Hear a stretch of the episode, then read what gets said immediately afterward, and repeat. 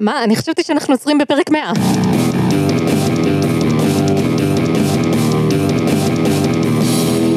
שלום לכולם, אני גל, איתי נמצאים חגי. היי. וליבי. היי. למזק, למה זה קיים? המקום בו אנחנו שואלים את השאלה שהיא השם שלנו, והפעם, 101 מיסטיקנים ישראלים. חגי, 101 מיסטיקנים ישראלים. למה זה קיים?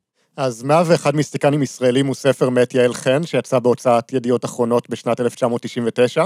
אז אה, בואו נקרא מהכיתוב בגב הספר. כי פה בלמזק אנחנו קודם כל שופטים ספר לפי הכריכה שלו. 101 המיסטיקנים המובילים בארץ. אסטרולוגים, רבנים, קוראים בקפה, פותחים בקלפים, נומרולוגים ומתקשרים נחשפים במדריך מקיף ומעמיק. יעל חן התחקתה בעקבותיהם במשך שנה ארוכה, קיימה עשרות פגישות וראיונות, וקיבצה את מיטב המיסטיקנים שכוחותיהם יוצאי הדופן שינו את חייהם של אלפי איש בישראל. הספר משמש בו בזמן כמדריך מעשי וכספר מרתק הנקרא בנשימה עצורה. איך אפשר לקרוא ספר בנשימה עצורה? זה נשמע ממש קשה להתרכז בטקסט כשאתה נחנק. אולי אם זה ספר מאוד קצר. חוץ מזה, אם היא התחקתה אחרי 101 מיסטיקנים במשך שנה, שיש בה 365 ימים, אז זה לא נשמע כמו מחקר מקיף ומעמיק, כמו שזה נשמע כמו סופש ארוך. אז יעל חן היא עיתונאית, והיא מסבירה בפתיח איך היא קיבלה את הרעיון לספר. תן לי לנחש, מלאכים ירדו מהשמיים ואמרו לה מה לכתוב. אתה לא רחוק. באמת? את הספר הזה קיבלתי בתקשור. כך הבנתי אחרי שראיינתי מתקשרים רבים. בוקר אחד התעוררתי וידעתי שאכתוב ספר, שהספר יהיה מדריך, מדריך שידבר על מיסטיקנים ישראלים. אז רגע, כל פעם שמישהו אומר שהוא יעשה משהו, ואז עושה אותו, זה תקשור? מבחינתי לעמוד במשהו שאמרת שתעשה זה לא פחות ממיסטי. שנות עבודתי כעיתונאית שמטפלת בין השאר בנושאים המיסטיים, העבירו לי את הצורך העז הקיים בציבור לספר מסוג זה. כל כתבה על פותחת בקלפים או נומרולוג הייתה סותמת את מרכזיית העיתון לימים רבים. ואז הוספנו עוד קו טלפון והבעיה נפתרה. אז בגדול בספר כל מיסטיקן מקבל רעיון של עמוד או שניים. אז אנחנו הולכים לעבור עכשיו על 101 מיסטיקנים בפרק אחד? זה עדיף לעשות עליהם 101 פרקים נפרדים. זה נכון, אבל אולי אפשר, ואני הולך להסתכן פה, לא לעשות את זה. מה, אתם לא רוצים לתפוס את כולם? מה זה פוקימונים? אורי גלר, אני בוחר בך. הוא לא טבע את פוקימון. כן, הוא טבע אותם בגלל שהיה פוקימון שהחזיק כפית ביד. והוא ניצח? אני לא יודע, אבל שנים אחרי זה הוא התנצל על התביעה, והוא אמר שהוא היה טיפש, וזו הייתה טעות הרסנית מבחינתו. אם הוא רק היה יכול לחזות את העתיד, הוא היה יכול להימנע מזה. טוב, אז לפני שאנחנו עושים את זה 102 מיסטיקנים, בואו ננסה להתרכז באלו שכתובים בספר. הוא לא כתוב בספר, נכון? לא. אוקיי. אז הנה מדגם של מיסטיקנים ישראלים. מדגם זה טוב, אנחנו אוהבים מדגם. מדגם קטן, מצומצם, סלקטיבי, זה בסדר. אז בואו נתחיל עם כמה אסטרולוגים, והראשונה בהן, אורלי חורב, בת 39, מקבלת את לקוחותיה בחדר קטן ואינטימי, בבית שנראה כאילו נשאר כאן משנות ה-60. אינטימי זה סתם דרך של מתווכים להגיד קטן. אני בתוך הבית נמצא, בתוך החדר האינטימי שלי מתקשר עם רוחות. היא מתעניינת באסטרולוגיה מגיל 16. ספר על אסטרולוגיה שהתגלגל לידיה באותו הגיל לימד אותה שלבנות מזל גדי יש כתם בקרבת הברך. אהה. לה עצמה היה כתם כזה, ובבדיקה אצל אחרות, בנות אותו מזל, מצא את הכתם. זה נשמע כמו משהו שיהיה מאוד קל להפריך. והנה ככה התחילו חמש שנים שאנחנו מקבלים הודעות על מאזינות שנולדו בינואר ואין להן כתם. תיבת המייל שלנו מודה לכם. אל תשלחו לנו תמונות של הברכיים שלכן, בבקשה, אל תשלחו לנו תמונות של הברכיים שלכן. אם אני עדיין מקבל תמונה של כפתור כל יום, את תקבלי תמונות של ברכיים. חגי, תמשיך. היא מתמחה בבדיקות של מועמדים לעבודה בחברות כוח אדם. את המפה היא עורכת על פי כוכבי הלכת הידועים וגם על פי האסטרואידים. וגם לפי כוכבי הלכת הלא ידועים. אורלי מאמינה שגם לאסטרואידים יש השפעות על המערכת הנפשית שלנו. זאת ועוד, כשמגלים כוכב, מוצאים שיש לו השפעה על כל האנושות. זה רק אני או שלפסול מועמדים לעבודה לפי המיקום של אסטרואיד פותח את החברה למלא תביעות. תראי, בחוק כתוב שאסור להפלות על רקע מין, נטייה מינית, מעמד אישי, הריון, הפריה חוץ גופית, טיפולי פוריות, גזע, גיל, הורות, דת, לאום, ארץ מוצא, השקפה, תמיכה במפלגה או שירות מילואים. טכנית לא כתוב שם שום דבר על אסטרואידים והמיקום שלהם. העבודה שלה עם האסטרואידים מחדדת את המפה האסטרולוגית ונותנת תשובות ספציפיות בבעיות של הורות, זוגיות ורוחניות. התשובות, היא אומרת, הן ברמת דקויות שאינה מתקבלת מכוכבי הלכת הרגילים. טכנית, יש לזה רמת דיוק. זו רמת הדיוק של לנסות לזרוק כדור מהגג של מגדל במטרה לפגוע ברצפה ועדיין איכשהו לפספס מדי פעם, אבל זה עדיין משהו. לפני הרבה שנים הגיעה אליה בחורה שנראתה מבוגרת מכפי גילה. הבחורה התהלכה עם פוני שהסתיר את המצח שלה. המצח, אומרת אורלי, הוא המקום הפיזי של הרעיונות. כן, ככה זה עובד בדרך כלל. המצח נמצא באזור שהרעיונות באים ממנו. דווקא לי זה לא נשמע כמו המקום שממנו היא שולפת את הרעיונות שלה. והיא בעצם כיסתה את האישיות שלו. אורלי אמרה לה להרים את השיער, היא שמעה לה והתקבלה לעבודה באחד ממשרדי הפרסום הגדולים כקופירייטרית. עשתה קפיצה קוונטית באישיות, אומרת אורלי, הכל מהמקום של הפוני. אני שמחה שהיא לא מייחסת סיבה. היא שמעה לי, והיא גם התקבלה לעבודה. אלו שתי עובדות שאין ביניהן בהכרח קשר. האסטרולוגית הבאה שלנו היא אראלה רותם, מאבחנת גלגולים קודמים על פי ראש דרקון וזנב דרקון. שאותם יוצרים כוכבים מסוימים במפה האסטרולוגית. ראש דרקון ריק, לדוגמה, מסמן אדם המתקשה להגשים את ייעודו, בעוד שזנב דרקון מלא מסמן שהוא מבצע את מה שביצע בגלגולים קודמים, כלומר, הוא מבצע תפקיד שאינו אמור לבצע בגלגול הזה.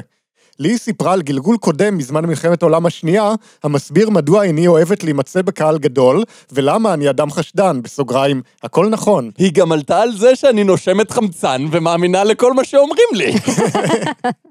לדבריה, בתקופת המלחמה הייתי בלדרית, לא יהודייה, כנראה מטעם המחתרת הצרפתית, שהעבירה דואר וידיעות תוך סכנת נפשות ממקום למקום.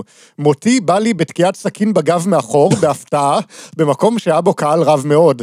התחברתי מאוד להסבר הזה, שעזר לי להבין מדוע אני מעדיפה פגישות שאינן רבות משתתפים. גם לי זה קרה, אבל בגלגול לפני זה הרגו אותי בחדר קטן ואינטימי, ופעם אחת לפני זה מתתי לבד, אז עכשיו אני פשוט מפחדת מהכל, באופן כללי, תמיד. אז מה לגבי רות אלי, שמאמינה שקיימת השפעה כימית על בני האדם, ברגע שכוכב נפגש בכוכב אחר. אם הירח גורם לגאות ושפל, היא אומרת, צאו חשוב מה רבה השפעת המהלכים שלו על בני האדם, שגופה מורכב ברובו ממים. אז יצאתי וחשבתי, והתשובה הייתה 0.002 ניוטון, שזה המקבילה למשקל על כדור הארץ של ארבעה גרגירי אורז. רות מספרת על טעות מצמררת בפרשנות מהימים בהם החלה לעבוד. כמעט כאילו זה הכל ניחוש וקפיצה למסקנות. בחורה שגרה בארצות הברית הגיעה לארץ כדי לקבור את אחיה ולהעביר את האם לבית אבות. המפה הראתה נישואים קשים, בעל שסירב לתת לה גט, אוסף יקר מאוד של בולים שנעלם, ועל כל זאת נוסף האח הצעיר שמת באופן פתאומי. אוקיי. רות ראתה איך המפה מתנקה מהיבטים שליליים, ואמרה לה, תוך חודש הכל מסתדר. אחרי חודש הבחורה נהרגה בתאונת דרכים. וואו. בטח היא עוד ניסתה להסביר איך זה בעצם הגיוני שהמפה התנקתה. זה נשמע מתאים לרמת הציניות הסטנדרטית במקצוע הזה. רחל לביא מציינת שלא קיים דיוק של 100% בתחזיות האסטרולוגיה. האסטרולוגיה, היא אומרת, מכירה רק עשרה כוכבי לכת המותאמים ל-12 מזלות. ברור שלא קיים דיוק של 100%, בשום דבר אין דיוק של 100%, אבל את יודעת מה, רחל לביא? יש משמעות לכמה אחוזים כן יש לך.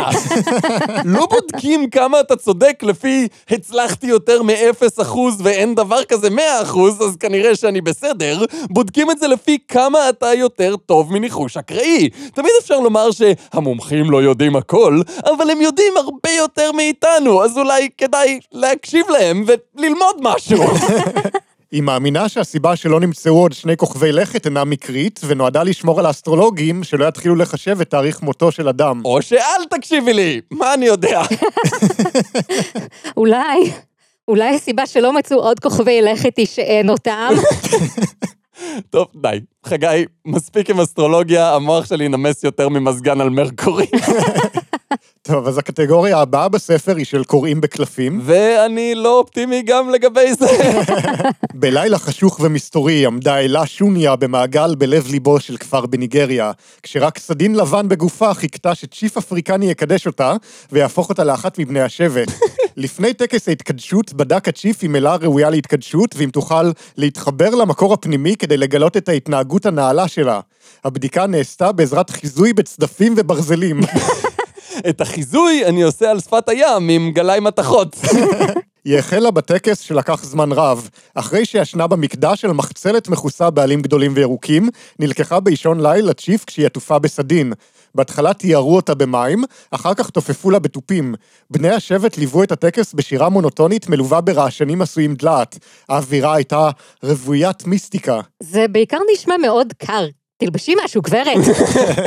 לאפריקה הגיעה אלה לאחר שחוותה גלגולים קודמים בתקשור, שהבהירו לה שעברה הקדום נמצא באפריקה. אני לא חושבת שזה כזה מרשים, בהתחשב בזה שהעבר הקדום של כולם נמצא באפריקה. במסעותיה הגיעה לניגריה לשבט אישה, שם הכירה את הצ'יף שהוא כהן גדול לאל המים אולוקון, אדם משכיל שמאבחן אנשים בעזרת העין השלישית שלו. השם שלו, אגב, מתרגם בעברית לאדם שלוקח הרבה כספים מאיש לבן שרוצה להרגיש מיוחד. ויש להם מילה אחת שאומרת את כל זה? את לא מבינה עד כמה זה שימושי פשוט. יפה יצחק אינה מתחילה את היום בלי לפתוח בקלפים האינדיאנים. תוך כדי לגימת הקפה של הבוקר היא פורסת את הקלפים ושואלת מה אקבל היום. אם יוצא קלף אריה, היא יודעת שהיום שלה יהיה עמוס במטלות. קלף הלוטרה מציע יום שמח וקליל. אני במקומה הייתי פשוט זורקת את כל הקלפים האחרים. שימו לב שהיא יודעת שיהיה יום עמוס, אבל יום שמח וקליל זה מציע. כמעט כאילו הגורל מבין שאנשים נוטים לזכור יותר דברים שליליים ולייחס להם יותר חשיבות. לפני כשנה טסה לניו יורק, לפני הטיסה שאלה מה מחכה לה שם והופיע קלף העטלף, שמסמן שהכל הפוך כי העטלף חי בלילה. וגם כי הוא מילולית הפוך. וגם כי יש פער של שבע שעות בין ניו יורק לישראל. כשהגיעה לניו יורק, לא חיכה לאיש בשדה התעופה, ולא המתינו לה בבית בו הייתה אמורה להתאכסן, והיא נאלצה לחכות כמה שעות בחוץ. הסרט החדש של בטמן נשמע לא משהו. אהבתם את בטמן מתחיל ובטמן חוזר? חדש, בטמן ממתין. פרק זה מוגש לכם בחסות הסרט החדש, בטמן ממתין. הלו, כן, שלום. אני לקוח שלכם בטריפל, ולא, נו, אל תשימי אותי בהמתנה. זה לקח לי שלוש שעות להגיע אלייך. לא, נו. מאז ומעולם היו ליהלום נשיא תחושות שהיא יודעת מה הולך לקרות. ליד ביתה היה כביש שאותו סירבה לעבור, ובהיותה בת עשר, סבא שלה נדרס בכביש הזה בדיוק. אם היא ידעה מה הולך לקרות, למה היא לא אמרה לסבא שלה שיישאר בבית? חדרה של מירי גבאי עמוס בובות צעצוע מונחות על ספה. בוב, חתול פרסי יפהפה, ישן מקופל ליד ספרייה עמוסה בספרי איזוטריה רבים. חגי, ממתי יש לך שותפה בשם מירי גבאי? על השולחן עשרות חבילות קלפים מסוגים שונים. יש לי את כל סוגי הקלפים הקיימים בעולם, היא אומרת, ומונה עשרות שמות. רק הקלפים של המג'יק שלך זה כבר שישה מדפים, כאילו. מירי מאמינה בעין הרע הבאה מקינה, והיא מגלה ללקוחות איך להיפטר ממנה בעזרת טכניקה מיוחדת של הרתחת כדור עופרת במים. זה נשמע כמו מרק לא טעים. זה נשמע כמו הרעלת עופרת. על אורלי נירן היא כותבת, כדי להיות מורה, היה עליה לעבור טקס הצטרפות לשבט הזאבים, שכלל קבלת ברכות מארבע רוחות השמיים. אורלי עמדה באמצע מעגל וסביבה ארבעה אינדיאנים.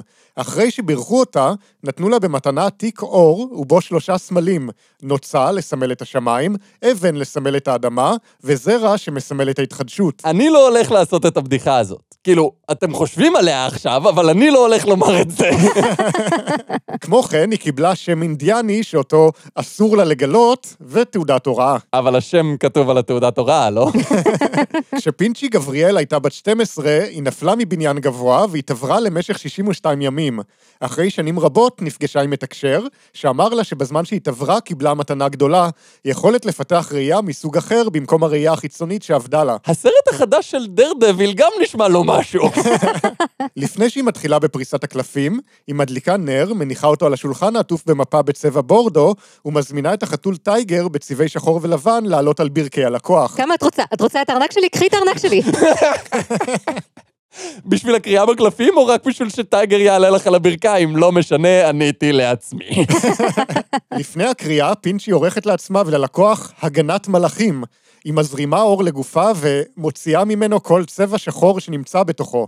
אחר כך היא אומרת, מימיני מיכאל, משמאלי גבריאל, מלפניי אוריאל, מאחוריי רפאל, מעל ראשי שכינת אל. כל העומד מלפניי, מאחוריי ומצדדיי הוא העומד.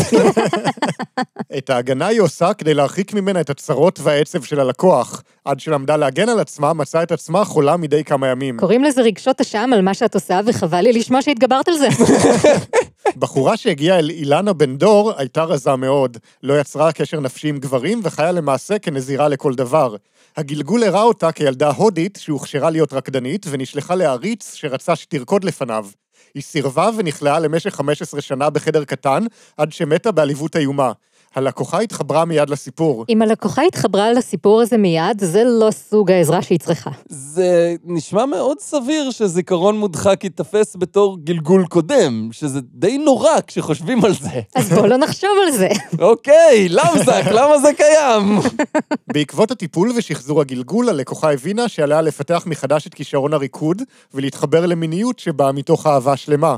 היא נישאה לגבר שהיא מאוד אוהבת ולומדת לרקוד פלמנקו. וכל עוד היא לא תפגוש עריצים הודים, אני מניח שהיא תהיה בסדר. אילנה שרף קוראת בקלפים רגילים, שלהם היא קוראת קלפי פוקר. באמצעות משחק שאותו היא מכנה פוקר. אילנה פורסת על השולחן 36 קלפים במספרים 6 עד 10 ומצרפת אליהם מלך, מלכה, נסיך ואס. כשלכל קלף יש 12 משמעויות. קלף המלך למשל יכול להצביע על אדם גרוש, או אדם בן 50, שופט או אדם עמיד, איש העוסק במתמטיקה או החלטה אלוהית הנוגעת ללקוח. ולפעמים מדובר בשופט עמית גרוש בן 50 שחובב מתמטיקה. עם 36 קלפים ו-12 אפשרויות לכל קלף, אין שום סיכוי שהיא תוכל להמציא משהו, נכון? ועוד עם אפשרויות כל כך ספציפיות כמו החלטה אלוהית שנוגעת ללקוח. זה יכול לומר רק מה שבא לך. לפני שאריאל עדן מתיישב עם הלקוח, הוא מניח על צווארו שרשרת עם אבן חומה. את שמה של האבן אינו יודע, אבל הוא בחר אותה באינטואיציה, ויודע שהיא עוזרת לו בפתיחה של הקלפים. זה יפה, כולנו צריכים להיות מסוגלים לומר שאנחנו לא יודעים דברים. חלקנו פשוט לא עושים את זה מספיק וצריכים לעשות את זה יותר. הוא בוגר הטכניון, שם למד הנדסה כימית, במסגרת הלימודים נדרש ללמוד מקצוע חופשי, ובחר בפילוסופיה של המדע. הוא התאכזב מהלימודים כי הבין שלא כל דבר ניתן לפתרון הגיוני, ויש דברים כמו אהבה שצריך לחוות אותם כדי להבין אותם. אז זה הכל תלוי בהגדרה שלך של הגיוני, כי לאהבה יש היגיון. אפשר לדבר על ההיגיון הביולוגי של מה קורה במוח, אפשר לדבר על ההיגיון האבולוציוני של למה אהבה זה דבר שהתפתח בכלל אצל בני אדם, ואפשר גם לדבר על ההיגיון הפנימי של רגשות. קרה משהו רע, לכן אני עצוב. זה הגיוני. אולי בלי לחוות אהבה, אני לא אוכל לדעת איך זה מרגיש לאהוב, אבל אני לחלוטין אוכל להבין איך אהבה עובדת, כי זה הגיוני. זה אולי לא סוג של היגיון שאפשר למדל באמצעות מתמטיקה, אבל זה עדיין סוג של היגיון שאפשר להבין. מצד שני, להגנתו ייאמר שבסילבוס של הנדסה כימית אין קורס שנקרא איך להבין אהבה בלי לחוות אותה. וכמובן, אי אפשר לעשות ספר על 101 מיסטיקנים בלי לדבר על מתקשרים. ואי אפשר לדבר על מתקשרים בלי לציין את העובדה שגם אנחנו מתקשרים אחד עם השני ברגע זה. לפגישה עם בת שבע עזרא יש להמתין לפעמים עד חצי שנה. אני כל כך מצטערת, פשוט הייתי במקלחת. כשלקוח מתעקש, היא מבקשת לדעת את שמו, ועל פיו היא יודעת אם הוא במצוקה קשה וזקוק לטיפולה המהיר.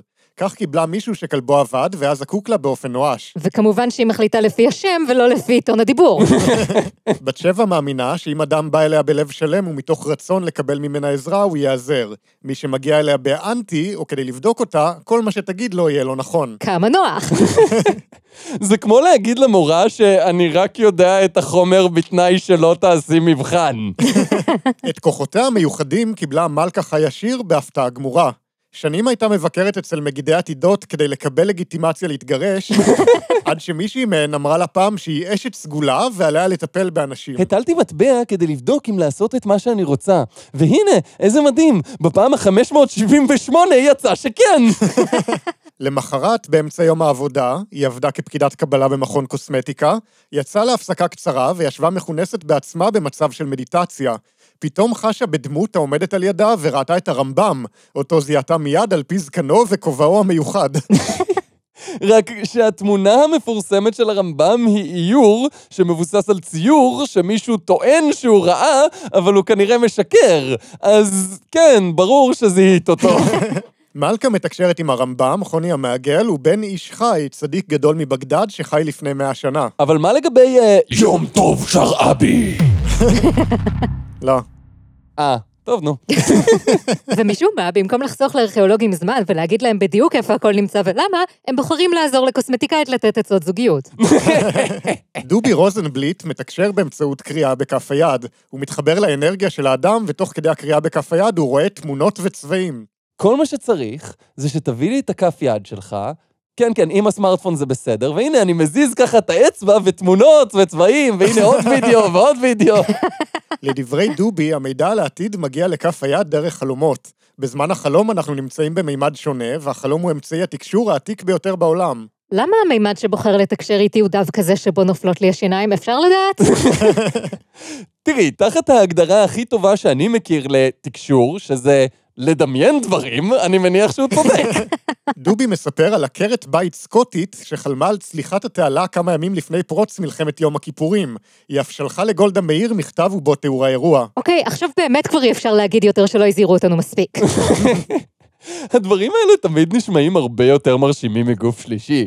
כאילו, אומרים לך שזה היה תיאור מדויק של כל מה שיקרה, אבל בפועל זה היה משהו כמו דבר משמעותי יקרה, ואנשים יגיבו אליו, ואז יהיה שינוי.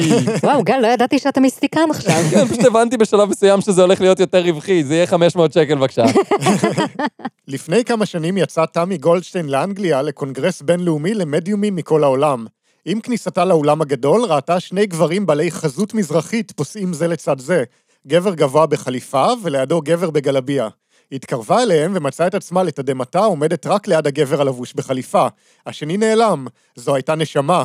היא שוחחה עם הגבר הנותר, והתברר שזה סבו המשמש כמדריכו הרוחני. אה, כן, כן, זה סבא שלי, ברור, אה, מדריך רוחני. אה, הבטחה? לפני ארבע שנים הופיע בחדר השינה של לימור אבירז גוש אש ענקי. נקרא גם בעברית, השמש מהחלון. נקרא גם בעברית, וילון נשרף.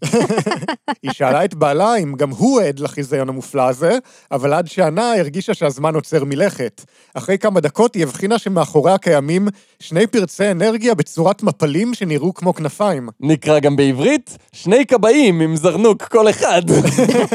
פתאום שמע קול מתוך האש שמדבר אליה. אני שייך למודעות שלך, התנתקת ממני שנים ארוכות. את חווה שאיפת עשן, אוטוטו נחלץ אותך. לימור ביקשה מאביו של גל, בעלה, מתקשר בזכות עצמו, לברר מי היה המבקר המסתורי. בתוך תוכה ידע שזה המלאך רפאל.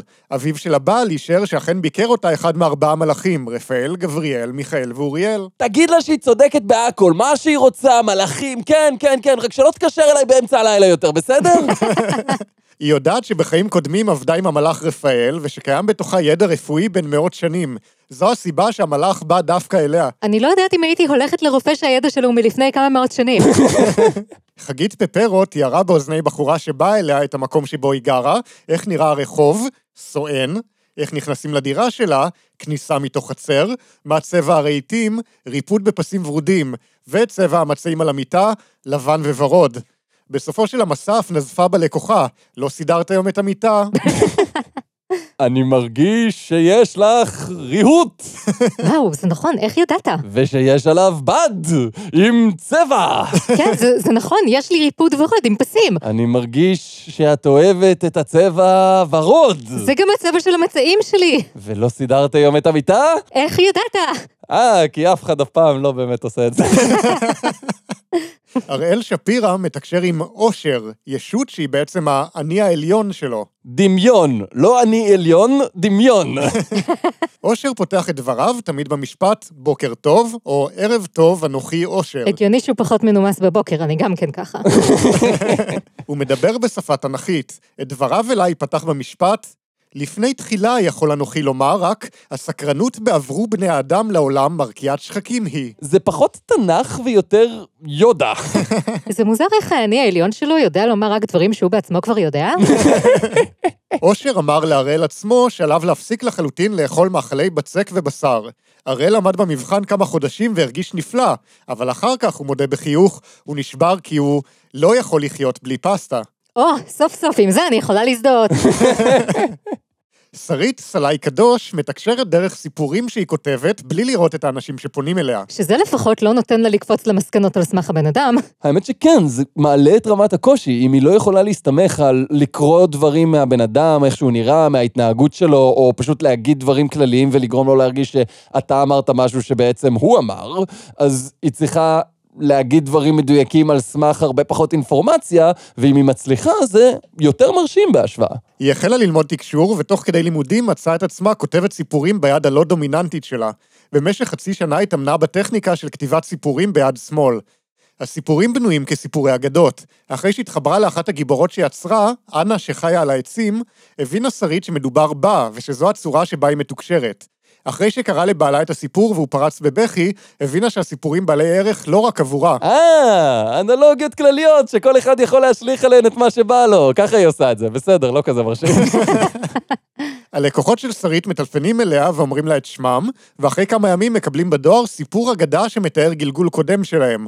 על הסיפור הכתוב בשפה תנכית חתומים הממונים, תשע הישויות המתקשרות איתה בתדרים של צבעים הקיימים בעולם מעבר. הנה תיאור מדויק של כל מה שאי פעם קרה לך בגלגול קודם, שאת לא יודעת עליו שום דבר ולא יכולה לבדוק אותי. אז אני טכנית לא יכולה לטעות, ולכן, אדוני השופט, לתביעה אין כל בסיס. אישה שפנתה אל שרית קיבלה סיפור על ילדה בת ארבע שנבחרה למלכת אטלנטיס מפני שהייתה מאוד יפה. שיטת משטר משונה, אבל מי אני שאשפוט? כולם סגדו לה, אבל היא לא קיבלה שום תפקיד משמעותי. כהן גדול שהיה ממונה עליה, ניהל את העניינים, והיא הרגישה כמו בובה על חוט. להגדה הזאת קוראים פטריארכיה. כשהאישה קיבלה את הסיפור, היא הזדהתה עם הילדה. האגדה הזכירה לה את בריחתה מגרמניה הנאצית כשהייתה בת ארבע, ובכהן הגדול זיהתה את היטלר. כן, כמובן שאם יש דבר אחד שחושבים עליו כשחושבים על היטלר, זה שהוא לא ידע להאציל סמכויות. אה, אז חגי, 101 מיסטיקנים ישראלים, למה זה קיים? כי 100 מיסטיקנים ישראלים זה עגול מדי, ו-102 מיסטיקנים ישראלים זה כבר מוגזם. זה היה פרק 101 של למזק, על ספר שמכיל הרבה מאוד תמונות שלא יצא לנו לתאר. כן, ליד המיסטיקנים יש את התמונות שלהם, ולפעמים זה מרגיש שהצלם ניסה לצחוק עליהם עם איך שהוא העמיד אותם בכל מיני פוזות מוזרות. כן, זו ששוכבת בתנוחה עוברית על שטיח באמצע מעגל של תופים אפריקאים נראית לא מרוצה. כן, ויש עוד כל מיני כאלה שהצחיקו אותי ממש. אז בואו נשים אותם בפטריון שלנו. ומי שעוד לא הצטרף מוזמן להיכנס, לתמוך ולקבל גישה לראות אותם ואת כל הבונוסים שהעלינו עד היום. חוץ מזה, אני בטוח שיש לכם הרבה מה להגיב למה ששמעתם כאן. וממה שאני מבין, בחלק מהאפליקציות שאנשים מקשיבים בהם לפודקאסטים, אפשר גם להגיב לפרקים. ואף לדרג. כן, גם זה. אז מעבר לזה שהאלגוריתמים מאוד אוהבים שמאכילים אותם באינטראקציות, גם אנחנו מאוד אוהבים לשמוע מה יש לכם לומר. זה יותר מעניין אותי מלהקשיב לשניכם, זה בטוח. אז תגיבו עם מה שיש לכם לומר, ואם אין לכם מה לומר, אז תגיבו במילת הבינגו למזק החביבה עליכם. ואם אין לכם אחת כזאת, אז תגיבו, אמרתם להגיב, אז הגבתי מה אתם רוצים ממני. זה נראה לי מה שאני אעשה. אה, זה היה פרק 101 של למזק, בו למדנו שיש 103 מיסטיקנים ישראלים. אלו שבספר, אורי גלר ואני. אז אה, ביי! ביי. ביי.